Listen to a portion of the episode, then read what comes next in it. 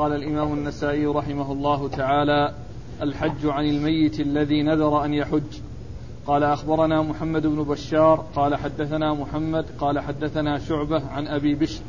قال سمعت سعيد بن جبير يحدث عن ابن عباس رضي الله عنهما أن امرأة نذرت أن تحج فماتت فأتى أخوها النبي صلى الله عليه وآله وسلم فسأله عن ذلك فقال أرأيت لو كان على أختك دين؟ أكنت قاضية؟ قال نعم. قال فقض الله فهو أحق بالوفاء. بسم الله الرحمن الرحيم. الحمد لله رب العالمين وصلى الله وسلم وبارك على عبده ورسوله نبينا محمد وعلى آله وأصحابه أجمعين. أما بعد يقول النسائي رحمه الله الحج عن الميت الذي نذر أن يحج. أي أنه يوفى بنذره وذلك بأن يقوم غيره بأداء هذا الذي نذره يقوم به عنه. وأورد النسائي حديث ابن عباس رضي الله تعالى عنهما أن رجلا جاء إلى النبي صلى أن امرأة امرأة؟ نعم. أن امرأة جاءت إلى النبي صلى الله عليه وسلم أن امرأة نذرت فماتت أن امرأة نذرت فماتت فجاء أخوها إلى رسول الله صلى الله عليه وسلم وسأله هل يحج عنها ويقوم بأداء هذا النذر عنها؟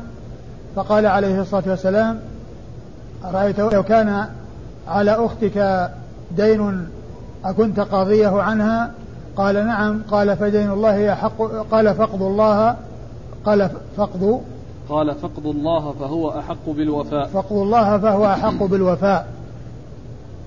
الحديث واضح الدلالة على الترجمة لأن آه، آه، الرسول صلى الله عليه وسلم سئل عن امرأة نذرت أن تحج ولم تحج وسأل أخوها رسول الله عليه الصلاة والسلام أن يحج عنها فأجابه عليه الصلاة والسلام بأن ذلك ينفع وأنه وأنها تستفيد من ذلك وضرب له المثل بقوله أرأيت لو كان على أختك دين أكنت قاضيه عنها؟ قال نعم. قال فاقض الله فهو أحق بالوفاء. يعني آه، آه، ضرب له مثلا بالدين الذي يكون على أخته للآدميين وأن ذلك ينفع. وهو معلوم عند الناس. كون إنسان يتحمل عن إنسان دين ويوفي عنه الدين فإن ذلك نافعه. قال فكذلك أيضا دين الله عز وجل فإنه ينفع الإنسان الذي مات أن يؤدى ذلك الدين عنه ويوفى بذلك يوفى ذلك النذر عنه وذلك بأداء الشيء الذي نذره. ويدلنا على أن النذر من الإنسان أنه لازم له وأن أداءه واجب عليه وأنه إن أداه في حال حياته فقد أدى ما عليه وإلا فإنه مدين به وهو دين لله عز وجل عليه وفيه أيضا دليل على أن الغير يمكن أن يقوم بالحج عن الغير فيما, فيما نذره وألزم نفسه به وأن غيره يقوم مقامه ويؤدي ذلك الدين عنه. ومن المعلوم أن ما وردت به النصوص عن رسول الله عليه الصلاة والسلام انتفاع الأموات بسعي الأحياء وكون الأحياء يؤدون شيئا عن الأموات أنه ينفعهم فيما وردت به النصوص هذا هو الأمر واضح والأمر جلي لأن النص ورد في نفع الميت بعمل معين كالحج سواء كان بالنذر أو غير النذر. فإن ذلك نافع. وقد وقد جاءت به السنة عن رسول الله صلى الله عليه وسلم. وكذلك جاء في أمور أخرى كالصوم بما إذا كان إنسان عليه صيام من مات وعليه صيام صام عنه وليه. وكذلك أيضا العمرة مثل الحج حج عن أبيك واعتمر. وكذلك أيضا الدعاء فإن ذلك مما ينفع الأموات. والوقوف عندما وردت به النصوص وكذلك الصدقة عن الأموات تنفعهم كما جاءت بذلك السنة عن رسول الله صلى الله عليه وسلم. والوقوف عندما وردت به النصوص في نفع الأموات هو الذي ينبغي. وبعض العلماء يعمم فيما ورد وفيما لم يرد ويقيس ما لم يرد على ما ورد. يقيس ما لم يرد على ما ورد ويلحقه به ويرى أن الأموات ينتفعون بأي عمل يعمله لهم الأحياء سواء جاءت به السنة أو لم تأتي به والذي لم تأتي به يقيسونه على ما أتت به. لكن الذي يظهر أن الأولى هو الوقوف عندما وردت به النصوص. فالذي وردت به النصوص يوقف عنده وينفع الأموات فيه والذي لم ترد فيه النصوص مثل قراءة القرآن وإهداها للأموات فإن الأولى والذي ينبغي عدم فعله والاقتصار على ما وردت به السنة عن رسول الله صلوات الله وسلامه وبركاته عليه. وفي الحديث أيضا بيان أن ذلك الذي هو لازم للإنسان سواء كان بأصل الشرع كالحج الفرض و أو بإلزام الإنسان لنفسه وذلك بالنذر أن ذلك يطلق عليه دين وأنه حق لله وأنه دين لله عز وجل على ذلك الذي هو واجب عليه سواء كان بوجوبه في أصل الشرع كالحج كالحج آه فرضا أو ما ألزم نفسه به كالنذر وهو أنه نذر أن يحج فإن هذا لازم له بإلزام نفسه, بإلزام نفسه به لازم له بإلزام نفسه به. وفيه ضرب الأمثلة ضرب الأمثلة وتوضيحها بالتشبيه والتمثيل لأن النبي عليه الصلاة والسلام أراد أن يبين أن الميت ينفعه أن يؤدى ذلك الدين لله عز وجل عليه والذي فيه إشكال بنفع الذي لا إشكال فيه وهو قضاء الدين عنه بالنسبة لديون الآدميين. كون الإنسان عليه دين فيسقط صاحب الدين دينه أو يتحمل شخص دينه ويعطيه للدائن فتبرأ ذمة المدين بذلك. وكان عليه الصلاة والسلام إذا أتي بشخص ليصلي عليه سأل هل عليه دين ليبين خطورة الدين وعظم شأنه وأن أمره خطير فلا يستهان به. فإذا أخبر بأن عليه دين قال صلوا على صاحبكم. ومما ورد في ذلك أنه سئل أنه سأل رجل سأل عن رجل قدم للصلاة عليه فقال فقيل عليه ديناران فقال صلوا على صاحبكم فقال أبو قتادة علي الديناران يا رسول الله أي أنه تحملهما والتزمهما فصلى عليه الرسول صلى الله عليه وسلم ثم إنه سأله بعد ذلك وأخبره وأخبره بأنه آه، أدى ما عليه فقال الآن بردت جلدته. الآن بردت جلدته. وكذلك أيضا جاء في الحديث أن الشهيد يغفر له أو أنه يتجاوز عنه كل شيء إلا الدين كل شيء ثم قال إلا الدين سارني به جبريل آنفا. إلا الدين سارني به جبريل آنفا. فالديون المتعلقة بحقوق الآدميين هي معلوم أن الغير يمكن أن يقوم بها لأن المقصود كون صاحب الحق يصل إليه حقه ويؤدى إليه حقه وتطيب نفسه لأن حقه وصل إليه سواء وصل من صاحبه من من المدين أو ممن أدى ذلك عن المدين. ثم أيضا قد يفهم من الحديث أو يظهر من الحديث أن حق الله عز وجل وأن الدين الذي لله عز وجل يكون حق بالوفاء. فقد يفهم منه أنه أولى أي الديون التي لله أولى من الديون التي للآدميين. وفي هذا خلاف بين أهل العلم. منهم من قال إذا تزاحمت الديون بين ديون الله وديون الآدميين فإنها تقدم ديون الآدميين. وأما إذا ما حصل ضيق في المال بأن كان متسعا لأن يؤدى عليه ديون الله وديون الآدميين فالأمر في ذلك واضح. لكن لو ضاق المال عن أداء الحقين الدينين دين الله ودين الآدميين فإن بعض أهل العلم قال يقدم دين الآدميين على دين الله عز وجل لأن حقوق الآدميين مبنية على المشاحة وكون بعضهم آه، يطالب بعضا والشح يكون بينهم. وأما حقوق الله عز وجل فهي مبنية على المسامحة. والله تعالى يعفو ويتجاوز يعفو ويتجاوز ويصفح.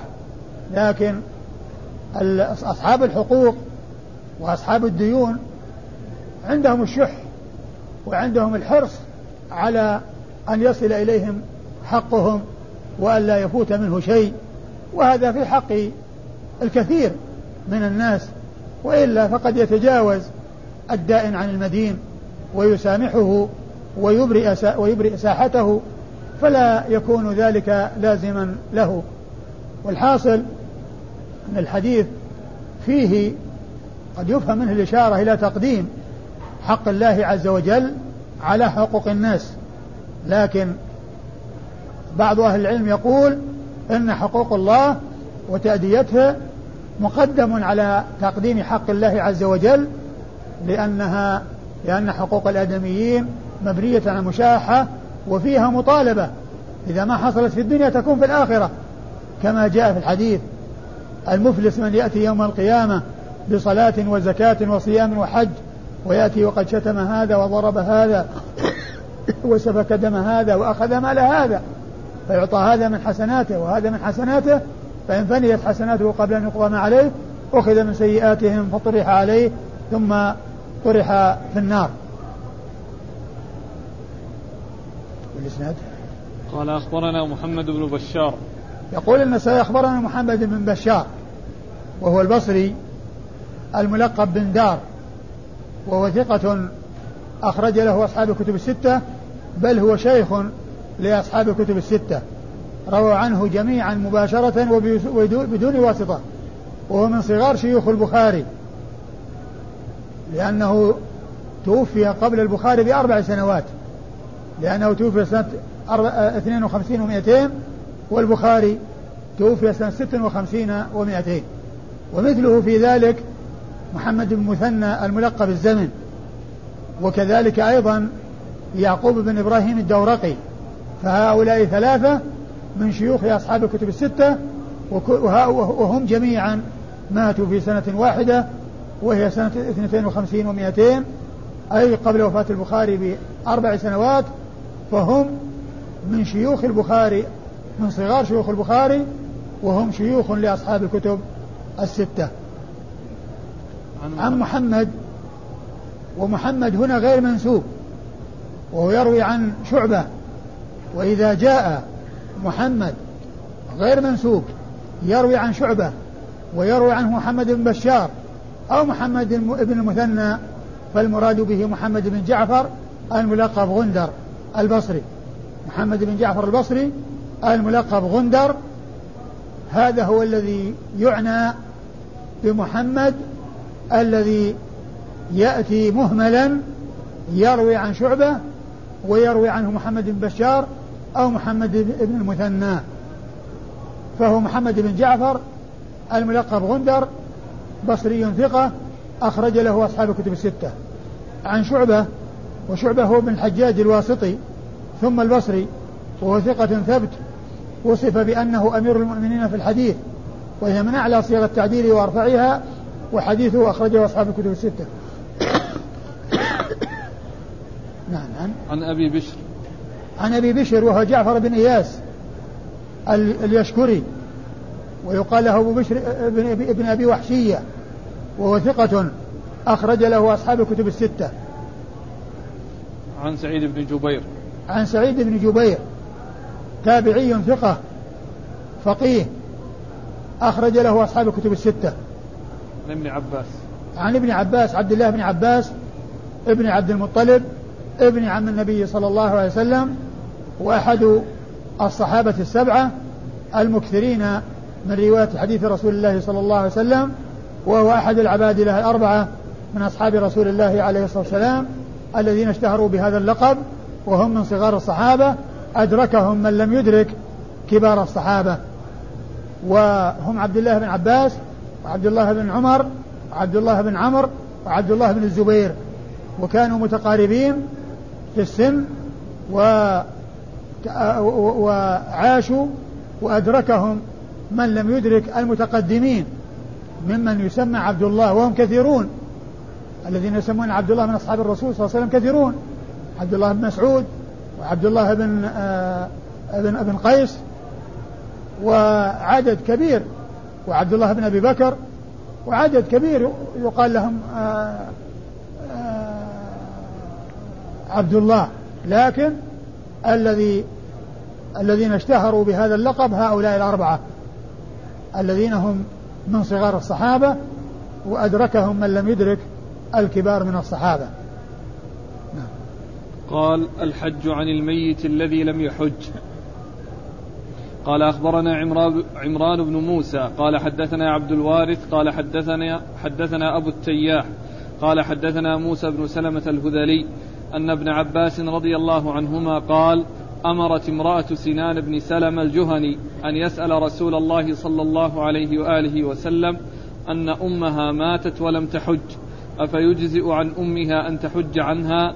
قال نعم.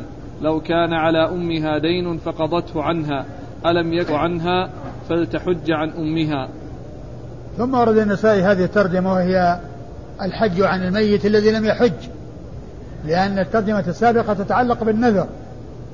كل إنسان نذر أن يحج ولم يحج. وهنا لم يحج فرضه. حجة الإسلام التي هي فرض عليه. هذا هو المقصود من هذه الترجمة. الحج عن الميت الذي لم يحج. وأورد حديث من؟ ابن عباس. وورد حديث ابن عباس رضي الله تعالى عنهما أن آه امرأة طلبت من رجل أن يسأل رسول الله صلى الله عليه وسلم عن أمها أنها ماتت ولم تحج أفينفعها أن تحج عنها؟ قال نعم. فأجاب بأنها تحج عنها. فدل هذا على أن الميت يحج عنه حجة الإسلام التي هي واجبة من أصل الشرع. والحديث السابق يدل على الحج عنه الحجة التي ألزم نفسه بها حيث نذر أن يحجها ولم يحجها. فدل هذا الحديث على أن الحجة حجة الإسلام الواجبة على الإنسان بأصل الشرع أنه يمكن الغير أن يحج عنه. وكذلك الحديث والحديث السابق يدل على أن الحجة التي نذر أن يحجها وليست واجبة عليه بأصل الشرع بل أوجبها على نفسه بالنذر أن غيره يمكن أن يحج عنه. وفي هذا الحديث الدلالة على أن الحج يكون عن الغير يكون عن الغير يعني حج الفرض وأن وكذلك التوكيل في السؤال والاستفتاء لأن تلك المرأة يعني آآ أنابت عنها أو طلبت من غيرها أن يقوم بالاستفتاء لها وفعل ذلك وأخبر النبي عليه الصلاة والسلام أن لها أن تفعل ذلك عن أمها. تعيد تعيد المتن أن ابن عباس رضي الله عنهما قال أمرت امرأة سنان بن سلم الجهني أن يسأل رسول الله صلى الله عليه وآله وسلم أن أمها ماتت ولم تحج. أفيجزئ عن أمها أن تحج عنها؟ قال نعم. لو كان على أمها دين فقضته عنها. ألم يكن يجزئ عنها؟ فلتحج عن أمها. وفيه أيضا ما في الذي قبله من التشبيه وأن الدين الذي يكون للآدميين يجزئ وهذا معلوم لا إشكال فيه فكذلك الدين الذي يكون لله ولهذا قال فلتحج عنها. لكن ينبغي أن يعلم أن الحج عن الغير ليس لازما للغير ولكنه إذا فعله متطوعا أو كان يعني في ماله وإذا, وإذا كان في ماله أو خلف مالا فإنه يحج عنه من ماله. لكن كون غيره يلزمه ويجب عليه أن يؤدي الحج عنه متبرعا متطوعا بفعله هذا وإذا لم يفعل يأثم ليس هناك ما يدل عليه وإنما فيه الترغيب على أن الحي ينفع ميته بأداء حق الله عز وجل عليه لكن ذلك ليس بلازم عليه وبمتحتم عليه. ولكنه ينبغي له. وهذا من البر ومن الإحسان للوالد في حياته وبعد وفاته. الاسناد قل أخبرنا عمران بن موسى. يقول سيخبرنا عمران بن موسى. وهو صدوق أخرج له الترمذي والنسائي وابن ماجه. وهو صدوق أخرج له الترمذي والنسائي وابن ماجه. عن عبد الوارث. عن عبد الوارث بن سعيد العنبري وهو ثقة أخرج له أصحاب الكتب الستة. عن أبي التياح. عن أبي التياح وهو يزيد بن حميد. وهو يزيد بن حميد وهو ثقة أخرج له أصحاب الكتب الستة وهو مشهور بكنيته أبو التياح. عن موسى بن سلمة الهذلي. عن موسى بن سلمة الهذلي وهو ثقة أخرج له من؟ مسلم وأبو داود والنسائي. وهو ثقة أخرجه مسلم وأبو داود والنسائي. عن ابن عباس وقد مر ذكره. قال أخبرني عثمان بن عبد الله. قال حدثنا علي بن حكيم الأودي. قال حدثنا حميد بن عبد الرحمن الرؤاسي. قال حدثنا حماد بن زيد عن أيوب السختياني عن الزهري عن سليمان بن يسار عن ابن عباس رضي الله عنهما أن امرأة سالت النبي صلى الله عليه وآله وسلم عن أبيها مات ولم يحج. قال حجي عن أبيك. ثم ورد النسائي حديث ابن عباس, ابن عباس رضي الله عنهما آه وهو مثل ما تقدم. امرأة سألت عن أبيها أنه مات ولم يحج أفتحج عنه؟ قال نعم حج عن أبيك. فهو دال على ما دل عليه الذي قبله في قصة المرأة التي سألت عن أمها التي ماتت ولم تحج أتحج عنها؟ هذه امرأة أخرى سألت عن أبيها مات ولم يحج و آه، أجابها بأن تحج عنه. فهو دال على ما دل عليه الذي قبله ودال على أن المرأة تحج عن الرجل ودال على أن المرأة تحج عن الرجل. والرجل يحج عن المرأة. يعني كما كما أن الرجل يحج عن المرأة. ففي الحديث هذا أن المرأة تحج عن الرجل لأنها تحج عن أبيها واستفتت تحج عن أبيها وهي امرأة فأذن لها رسول الله عليه الصلاة والسلام وأجابها أجابها بأن تحج عن أبيها. وهو دليل على ما دل عليه ما قبله. من حيث أن الغير يحج عن الغير وعلى أن المرأة تحج عن الرجل وعلى أن المرأة تحج عن الرجل. نعم. قال أخبرنا عثمان بن عبد الله. أخبرنا عثمان بن عبد الله وهو ابن خر ابن خرزاد ابن خرزاد ابن خر... ابن خرزاد. ابن خرزاد. وهو ثقة أخرج له النسائي وحده. أخرج له النسائي وحده. عن علي بن حكيم الأودي. عن علي بن حكيم الأودي وهو ثقة أخرج له. البخاري في الأدب ومسلم والنسائي. أخرج له البخاري في الأدب المفرد ومسلم والنسائي. عن حميد بن عبد الرحمن الرؤاسي. عن حميد بن عبد الرحمن الرؤاسي وهو ثقة أخرج له أصحاب الكتب الستة. عن حماد بن زيد. عن حماد بن زيد البصري وهو ثقة أخرج له أصحاب الكتب الستة. عن أيوب السختياني.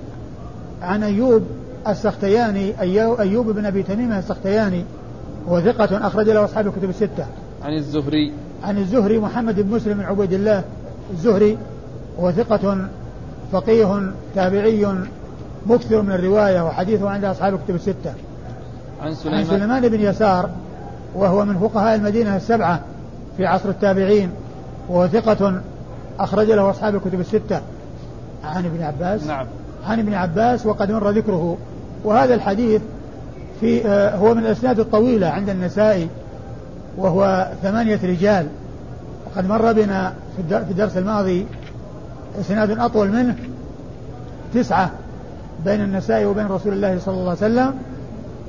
وسبق وذكرت أن أعلى أن أطول الأسانيد عند النسائي العشاريات وأن عنده إسناد عشاري. سبق أن مر في بيان فضل قل هو الله أحد وقال النسائي بعد ذكره هذا أطول إسناد هذا أطول إسناد. فأطول الأسانيد عند النسائي من يكون رجالها عشرة ودونه من يكون تسعة وقد مر مثاله في الدرس الماضي وهذا رجاله ثمانية. وفي هذا أيضا أن حماد بن زيد بين النسائي وبين هو ثلاثة أشخاص. يعني عثمان بن عبد الله وعلي بن حكيم الأودي وحميد بن عبد الرحمن الرؤاسي وحميد بن عبد الرحمن الرؤاسي بينه وبين حماد بن زيد. مع أن حماد بن زيد من طبقة شيوخ شيوخه. من طبقة شيوخ شيوخه يعني معناه أنه يكون بينه وبينه واسطة واحدة. وهنا كان بينه وبين ثلاث وسائط كان بينه وبين حماد بن زيد ثلاث وسائط فمن, فمن هذا حصل النزول. يعني حصل النزول. لأنه يعني كثيرا ما يأتي في الإسناد. يعني آه البخاري النسائي يروي عن عن قتيبة. قتيبة بن سعيد. عن حماد بن زيد. فلا يكون بينه وبينه إلا واسطة واحدة. فلا يكون بينه وبينه إلا واسطة واحدة. وهنا بينه وبينه ثلاث وسائط. بينه وبينه ثلاث وسائط. فمن هنا حصل النزول وحصلت الكثرة في رجال الإسناد. عن ابن عباس آخر شيء. عن حماد بن زيد عن لا انتهينا. حماد بن زيد عن أيوب السختياني عن أيوه. الزهري نعم عن أيوب السختياني عن الزهري عن سليمان بن يسار عن ابن عباس وقد مر ذكره. قال الحج عن الحي الذي لا يستمسك على الرحل. قال أخبرنا قتيبة قال حدثنا سفيان عن الزهري عن سليمان بن يسار عن ابن عباس رضي الله عنهما. أن امرأة من خثعم سألت النبي صلى الله عليه وآله وسلم غداة جمع فقالت يا رسول الله فريضة الله في الحج على عباده أدركت أبي شيخا كبيرا لا يستمسك على الرحل أفأحج عنه؟ قال نعم. ثم أورد النسائي هذه الترجمة وهي الحج عن الحي الذي لا يستمسك على الرحل الحج عن الحي الذي لا يستطيع الركوب والسفر والانتقال. لكونه هرما كبيرا لا يستمسك على الرحل ولا يقدر على السفر. فالترجمتين السابقتين تتعلق بالحج عن الأموات سواء كان للنذر أو حج الفرض. وهذه الترجمة تتعلق بالحج عن الحي الذي لا يستطيع الركوب والانتقال. وقد أورد فيه النسائي حديث ابن عباس أن امرأة من خثعم سألت رسول الله صلى الله عليه وسلم غداة جمع يعني صباح ليلة مزدلفة يعني يوم العيد يعني يوم النحر غداة جمع يعني في الصباح. آه، سألت رسول الله صلى الله عليه وسلم آه، آه، قالت إن فريضة الحج فريضة الحج. فريضة الله في الحج على فريضة عباده. الله في الحج على عباده. أدركت أبي شيخا كبيرا. نعم. لا يستمسك, لا يستمسك على الرحل. لا يستمسك على الرحل يعني على الدابة. والرحل الذي يكون على الدابة الذي يوضع على الدابة لا يستمسك عليه ولا يستطيع الركوب بل يسقط لهرمه ولضعفه وعدم قدرته على الثبات والاستقرار. فتسأل هل تحج عنه؟ فقال قال نعم. قال نعم. فأجابها بأن تحج عنه. وهو دال على أن الحي الذي لا يستطيع السفر للحج لهرمه وتقدمه في السن وكونه لا يثبت على الرحل ولا يستطيع الحركة أنه يحج عنه. وأيضا فيه دليل على حج المرأة عن الرجل كالذي قبله حج المرأة عن الرجل وأن للمرأة أن تحج عن الرجل نعم قال أخبرنا قتيبة. أخبرنا قتيبة بن سعيد بن جميل بن طريف البغلاني ثقة ثبت أخرج له أصحاب الكتب الستة. عن سفيان. عن سفيان هو بن عيينة. سفيان ابن عيينة المكي وهو ثقة أخرج له أصحاب الكتب الستة. وإذا جاء قتيبة يروي عن سفيان فالمراد به سفيان بن عيينة وليس سفيان الثوري. لأن سفيان الثوري توفي وعمر آه، قتيبة إحدى عشرة سنة لأنه توفي سنة 61 وقتيبة ولد سنة 50 وعاش 90 سنة توفي سنة 240 وسفيان بن عيينة عاش إلى فوق التسعين ومئة. فإذا جاء قتيبة يروي عن سفيان فالمراد به ابن فالمراد به ابن عيينة. وكذلك أيضا سفيان يروي عن الزهري. وإذا جاء سفيان يروي عن الزهري مباشرة فالمراد به ابن عيينة. لأن سفيان الثوري ما روى عنه مباشرة بل روى عنه بواسطة كما ذكر ذلك الحافظ بن حجر في فتح الباري حيث قال إن روايته عنه إنما هي بواسطة. والذي روى عنه وأكثر هو سفيان ابن عيينة. فإذا يعني يعني هنا يعني أمران دالان على أنه سفيان بن عيينة من جهة التلميذ ومن جهة الشيخ.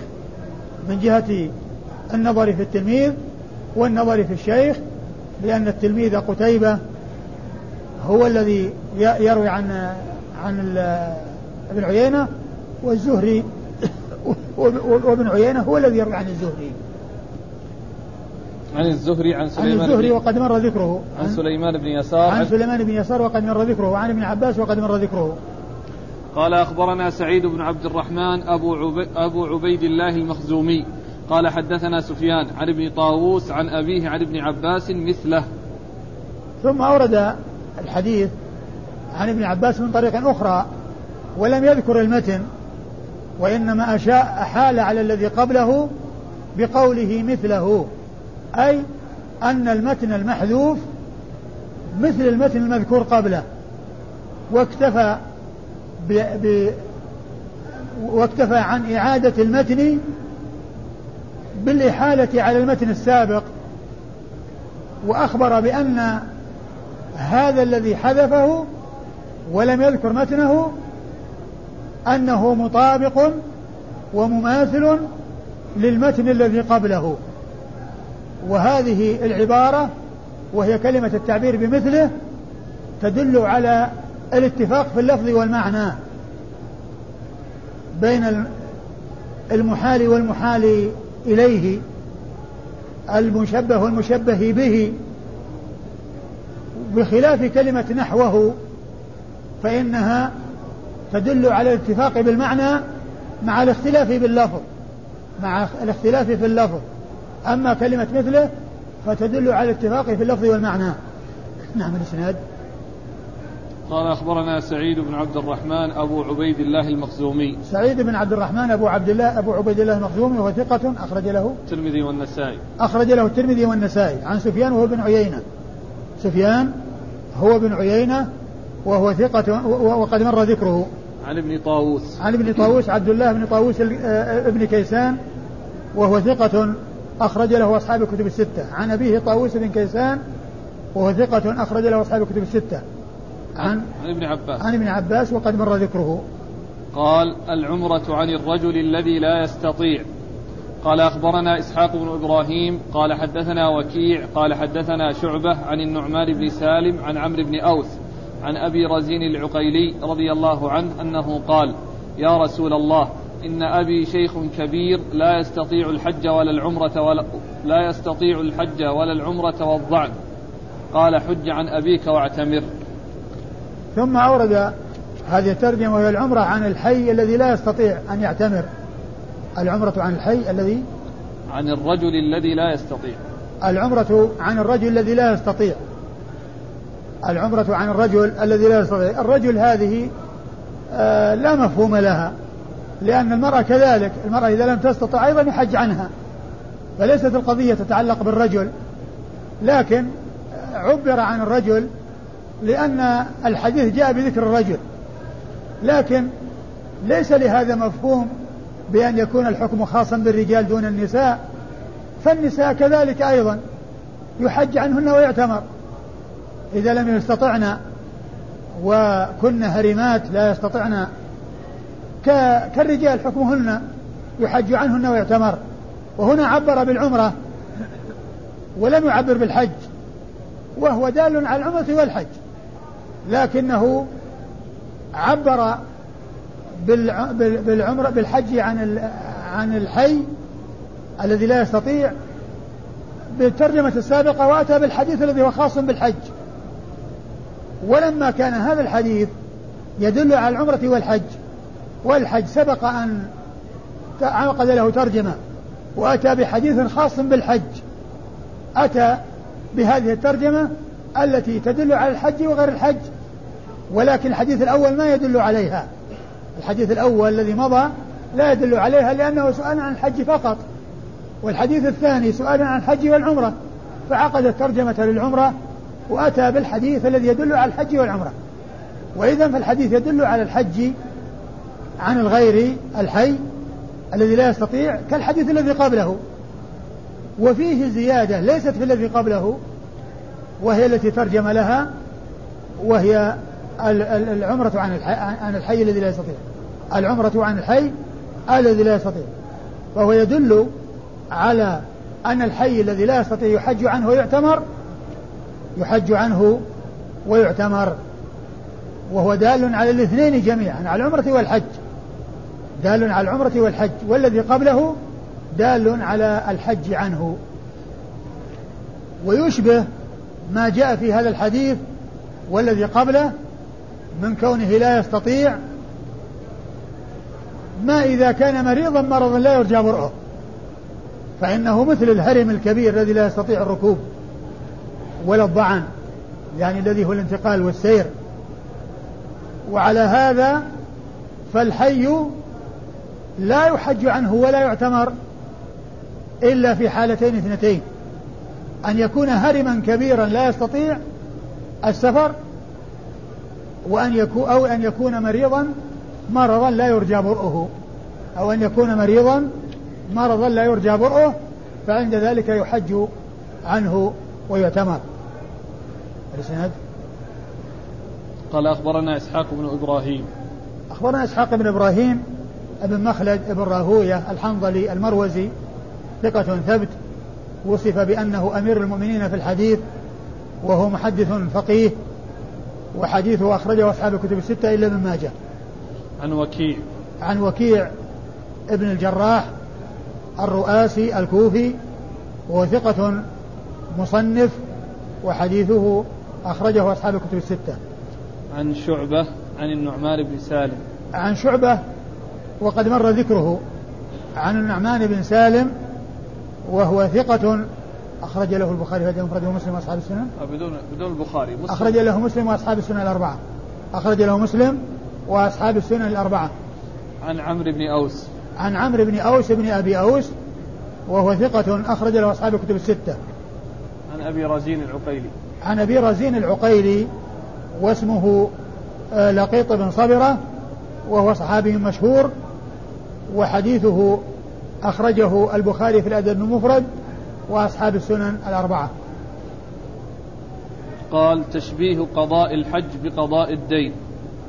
قال أخبرنا إسحاق بن إبراهيم قال أخبرنا جرير عن منصور عن مجاهد عن يوسف بن الزبير عن عبد الله بن الزبير رضي أنه قال جاء رجل من خثعم إلى رسول الله صلى الله عليه وآله وسلم فقال إن أبي شيخ كبير لا يستطيع الركوب وأدركته فريضة الله في الحج فهل يجزئ أن أحج عنه؟ قال أنت أكبر ولده؟ قال نعم. قال أرأيت لو كان عليه دين أكنت تقضيه؟ قال نعم. قال فحج عنه. صحابي ابن عباس لا عن عبد الله بن الزبير. عبد الله بن الزبير؟ نعم. ثم ورد النسائي تشبيه تشبيه قضاء الحج بقضاء الأحاديث التي مرت كثير منها أو عدد منها فيه هذا الذي ترجم له المصنف هنا. ولكن كما هو معلوم آه، آه، النسائي رحمه الله يأتي بالتراجم الكثيرة التي تدل أو تشتمل على التي آه، التراجم الكثير المتعددة التي يورد تحتها حديث تدل عليها.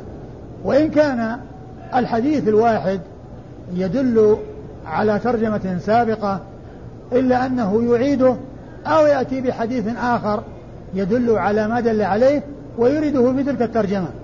ويكون كل من الحديثين دال على الترجمتين لا من حيث الحج عن غير ولا من حيث التشبيه تشبيه قضاء الحج. بقضاء الدين تشبيه قضاء الحج بقضاء الدين يدل على هذا ويدل على هذا. والترجمة هنا معقودة لتشبيه قضاء الحج بقضاء الدين وأن ذلك ينفع كما أن قضاء الدين نافع بلا إشكال. كما أن قضاء الدين عن الميت نافع بلا إشكال فقضاء الحج عنه نافع لأنه دين وهو شبيه بقضاء ذلك الدين إلا أن هذا دين الآدميين الذي هو المشبه به والمشبه دين الله عز وجل. وكلها ديون إلا أن هذا لله لله وذاك للآدميين. والتشبيه فيه التوضيح والبيان والتقريب إلى الأذهان. في التشبيه هذه فائدته يعني تصوير المعنوي بصورة المحسوس وتقريب الشيء إلى الذهن بحيث يكون واضحا مستقرا عندما يفكر في التشابه بين المشبه والمشبه به والمشبه به يكون الأمر فيه واضح فيتضح أن المشبه يكون مثله وأنه لا فرق بين هذا وهذا. وأورد حديث آه، حديث ابن الزبير عبد الله بن الزبير رضي الله تعالى عنهما. إيش متنه؟ يقول جاء رجل من خثعم إلى رسول الله صلى الله عليه وسلم فقال إن أبي شيخ كبير لا يستطيع الركوب وأدركته فريضة الله في الحج فهل يجزئ أن أحج عنه؟ قال أنت أكبر ولده؟ قال نعم. قال أرأيت لو كان عليه دين أكنت تقضيه؟ قال نعم. قال فحج عنه. رجل من خثعم جاء إلى رسول الله صلى الله عليه وسلم وأخبره أن أباه أنه شيخ كبير لا يستطيع الركوب وأنه لم يحج أفيحج عنه؟ قال أنت أكبر ولده؟ قال نعم. قال أرأيت؟ قال نعم. أرأيت لو كان عليه دين أكنت تقضيه؟ قال نعم. أرأيت لو كان عليه دين كنت تقضيه؟ قال نعم. قال فحج عنه. قال فحج عنه. يعني والمقصود منه من الترجمة التشبيه الذي جاء فيه هنا. أرأيت لو كان على بك دين أكنت تقضيه؟ قال فحج عنه. يعني بين له أن المشبه به كما أنه أمره واضح فكذلك المشبه فهو مثله ويشبهه. والحديث دال على ما دل دلت عليه الأحاديث السابقة من حيث الحج عن الميت وأن ذلك الحج عن عن الحي. عن الحي الترجمة السابقة؟ لا لا هنا هنا. تشبيه هنا؟ عن لا نعم هو عن عن الميت نعم. يعني تشبيه قضاء الدين على الميت قضاء الحج عن الميت عن قضاء الحج. هذا أبوه حي هذا. إيش قال؟ قال إن أبي شيخ كبير لا يستطيع الركوب. نعم. وأدركته فريضة الحج. نعم. فهذا مثل الذي قبله من جهة أنه سأل عن والد له حي وأنه لا يستطيع الركوب وأنه أدركته فريضة الحج وأنه آه، هل يحج عنه؟ قال أرأيت لو كان على أبيك دين وكنت قاضيه عنه؟ قال نعم. قال فحج عن أبيك.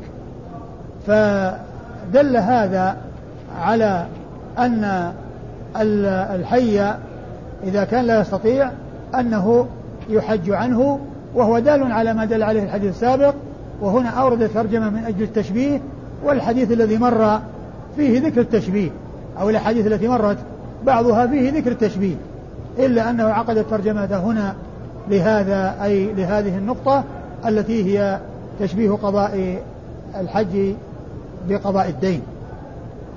والسؤال الذي قال أنت أكبر ولدي أنت أكبر ولده يعني آه، يدل على أن الولد الأكبر آه، يتعين عليه ما لا يتعين على غيره. لكن لا يدل على أن الحج إنما يكون من الأكبر وغير الأكبر لا يكون كذلك. وغير الأكبر لا يكون كذلك. ولكن للإشارة إلى أن الأكبر هو الذي يكون عليه من المسؤولية ما ليس على غيره وأنه أولى بأن يؤدي الدين عن والده لا سي لا لا بالنسبة لديون الآدميين ولا بالنسبة لديون الله عز وجل وليس الاستفسار عنه وكونها جاب بأنه أكبر ولده أن غيره لا يكون كذلك لأن النبي عليه الصلاة والسلام لم يستفسر. يعني آه، آه، في بعض الأحاديث السابقة وإنما أرشد إلى أن يحج عنه. لا بالنسبة لأبي رزين ولا بالنسبة للخثعمية التي آه، سألت لتحج عن أبيها بل أجابهم لكن هذا السؤال فيه الإشارة إلى ما ذكرته من جهة أن أن الكبير هو الذي يتعين عليه ما لا يتعين غيره وهو الذي ينبغي منه ما يكون مقدما فيه على غيره. ما يكون فيه أولى من غيره ومقدما على غيره. أيوه الإسناد قال أخبرنا إسحاق بن إبراهيم عن جرير. إسحاق بن إبراهيم مر ذكره وهو بالراهوية عن جرير بن عبد الحميد وهو ثقة أخرج له أصحاب الكتب الستة عن منصور وهو ابن المعتمر الكوفي ثقة أخرج له أصحاب الكتب الستة عن مجاهد. عن مجاهد بن جبر المكي وهو ثقة أخرج له أصحاب الكتب الستة عن يوسف بن الزبير. عن يوسف بن الزبير المكي وهو مولى آل الزبير وهو مقبول. أخرج حديثه النسائي وحده. أخرج حديثه النسائي وحده. عن عبد الله بن الزبير ابن ابن العوام صاحب رسول الله صلى الله عليه وسلم وأحد العباد له الأربعة من أصحاب رسول الله صلى الله عليه وسلم الذين اشتهروا بهذا اللقب. وقد مرت الإشارة إليهم آنفا عند ذكر ابن عباس رضي الله تعالى عن الجميع. وحديثه أي حديث عبد الله بن الزبير عند أصحاب الكتب الستة. وهذا الإسناد فيه من هو مقبول والمقبول حديثه آه يحتاج إلى اعتضاد والشيخ الألباني قال عن هذا الحديث أنه ضعيف الإسناد ولعل هذا بسبب يوسف بن الزبير. لكن كما هو معلوم الحديث له شواهد وله آه وأحاديث عديدة تدل على ما دل عليه فهو دال على ما دل عليه دل عليه الذي آه ما قبله. وما فيه من الضعف أو من الكلام في أحد رجاله ينجبر بما جاء في الأحاديث الكثيرة التي هي بمعناه وبمؤداه. قال أخبرنا أبو عاصم خشيش بن أصرم النسائي عن عبد الرزاق قال أخبرنا معمر عن الحكم بن أبان عن عكرمة عن ابن عباس رضي الله عنهما أنه قال قال رجل يا رسول الله إن أبي مات ولم يحج أفأحج عنه؟ قال أرأيت لو كان على أبيك دين أكنت قاضية؟ قال نعم. قال فدين الله أحق. ثم أورد حديث ابن عباس. ابن عباس؟ نعم. الترجمة وش اللي راحت. نعم تشبيه قضاء. تشبيه نعم. القضاء نعم. الحج بقضاء نعم تشبيه القضاء. لأن لأن الحديث السابق يتعلق بالحج عن حي وفيه تشبيه. وهذا الحديث يتعلق بالحج عن ميت وفيه تشبيه. كلها فيها تشبيه. والترجمة هي للتشبيه وهي موجودة في الاثنين. فيما يتعلق بالحج عن الحي الذي لا يستطيع وبالحج عن الميت الذي مات ولم يحج. فهو دال على ما دل عليه الذي قبله أو ما تقدمه. وأما رجال الإسناد أخبرنا أبو عاصم خشيش بن أصرم النسائي. أبو عاصم خشيش بن أصرم النسائي وهو ثقة حافظ أخرج حديثه أبو داود النسائي. نعم. أخرج حديثه أبو داود النسائي. نعم عن عبد الرزاق. عبد الرزاق بن همام الصنعاني اليماني ثقة أخرج له أصحاب الكتب الستة. عن معمر, عن معمر بن راشد البصري ثم اليماني وهو ثقة أخرج له أصحاب الكتب الستة. عن الحكم بن أبان. عن الحكم بن أبان وهو صدوق له أوهام أخرج له البخاري في جزء القراءة وأصحاب السنن. وهو صدوق له أوهام أخرجه البخاري في جزء القراءة وأصحاب السنن. عن عكرمة. عن عكرمة ابن عبد الله مولى ابن عباس وهو ثقة أخرج له أصحاب الكتب الستة. عن ابن عباس وقد مر ذكره. والحديث أيضا قال عنه الألباني أنه ضعيف الإسناد و ورجاله كما كما هو واضح آه، ثقات إلا الحكم بن أبان فإنه صدوق له أوهام. لكن آه، الحديث الذي آه، جاء به هو جاء عن غيره وهذا اللفظ جاء عن غيره عن ابن عباس وغير ابن عباس. قال أخبرنا مجاهد بن موسى عن هشيم عن يحيى بن أبي إسحاق عن سليمان بن يسار عن عبد الله بن عباس رضي الله عنهما أن رجلا سأل النبي صلى الله عليه وآله وسلم أن أبي أدركه الحج وهو شيخ كبير لا يثبت على راحلته فإن شددته خشيت أن يموت أفأحج عنه؟ قال أرأيت لو كان عليه دين فقضيته أكان مجزئا؟ قال نعم. قال فحج عن أبيك. ثم ورد النسائي حديث ابن عباس وهو مثل ما تقدم رجل سأل عن أبيه أنه شيخ كبير لا يستطيع الركوب وهل ينفعه أن يحج عنه؟ قال حج عن أبيك. أرأيت لو كان على أبيك دين؟ نعم. أرأيت لو كان على أبيك دين؟ آه، أيجزئه؟ قال نعم. قال فحج عن أبيك. فهو مثل ما تقدم وك والألباني أيضا قال عنه أنه شاذ أو منكر لكن الحديث يعني كما هو واضح هو مثل ما تقدم ودال على ما دل عليه ما تقدم فلا فرق بينه وبين غيره لأنه يتعلق بشيء ثابت عن رسول الله صلى الله عليه وسلم من عن ابن عباس وعن غير ابن عباس. الإسناد أخبرنا مجاهد بن موسى. مجاهد بن موسى هو ثقة؟ ثقة أخرج له مسلم وأصحاب السنن. أخرج له ثقة أخرج له مسلم وأصحاب السنن الأربعة. عن؟ هشيم. عن هشيم بن بشير الواسطي. هشيم بن بشير الواسطي وهو ثقة كثير التدليس والإرسال الخفي. كثير التدليس والإرسال الخفي. والتدليس الفرق بينه وبين الإرسال الخفي أن التدليس يختص بمن روى عمن عرف لقاؤه إياه. يعني شيخ من شيوخه معروف أنه يروي عنه لكنه روى عنه ما لم يسمعه منه بلفظ موهم من السماع كعن أو قال. أما المرسل الخفي فهو أن يروي عن من عاصره ما لم يسمع منه. أن يروي عن من عاصره ولم يلقه ما لم يسمعه منه.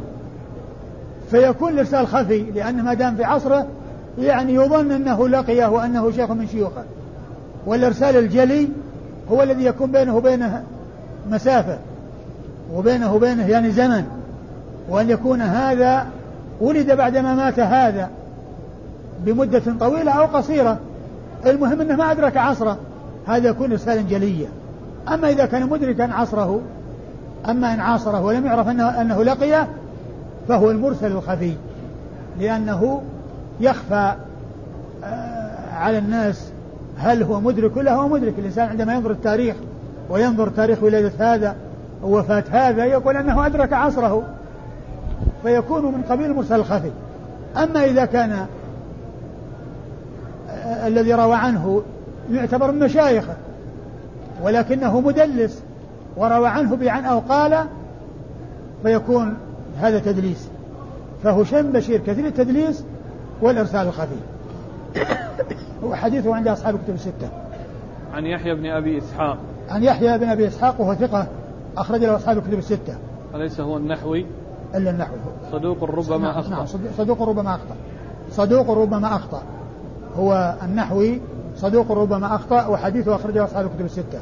عن سليمان بن يسار عن عبد الله بن عباس. عن سليمان بن يسار عن ابن عباس وقد مر ذكرهما. قال حج المرأة عن الرجل. أه والله تعالى أعلم وصلى الله وسلم وبارك على عبده ورسوله نبينا محمد وعلى آله وأصحابه أجمعين.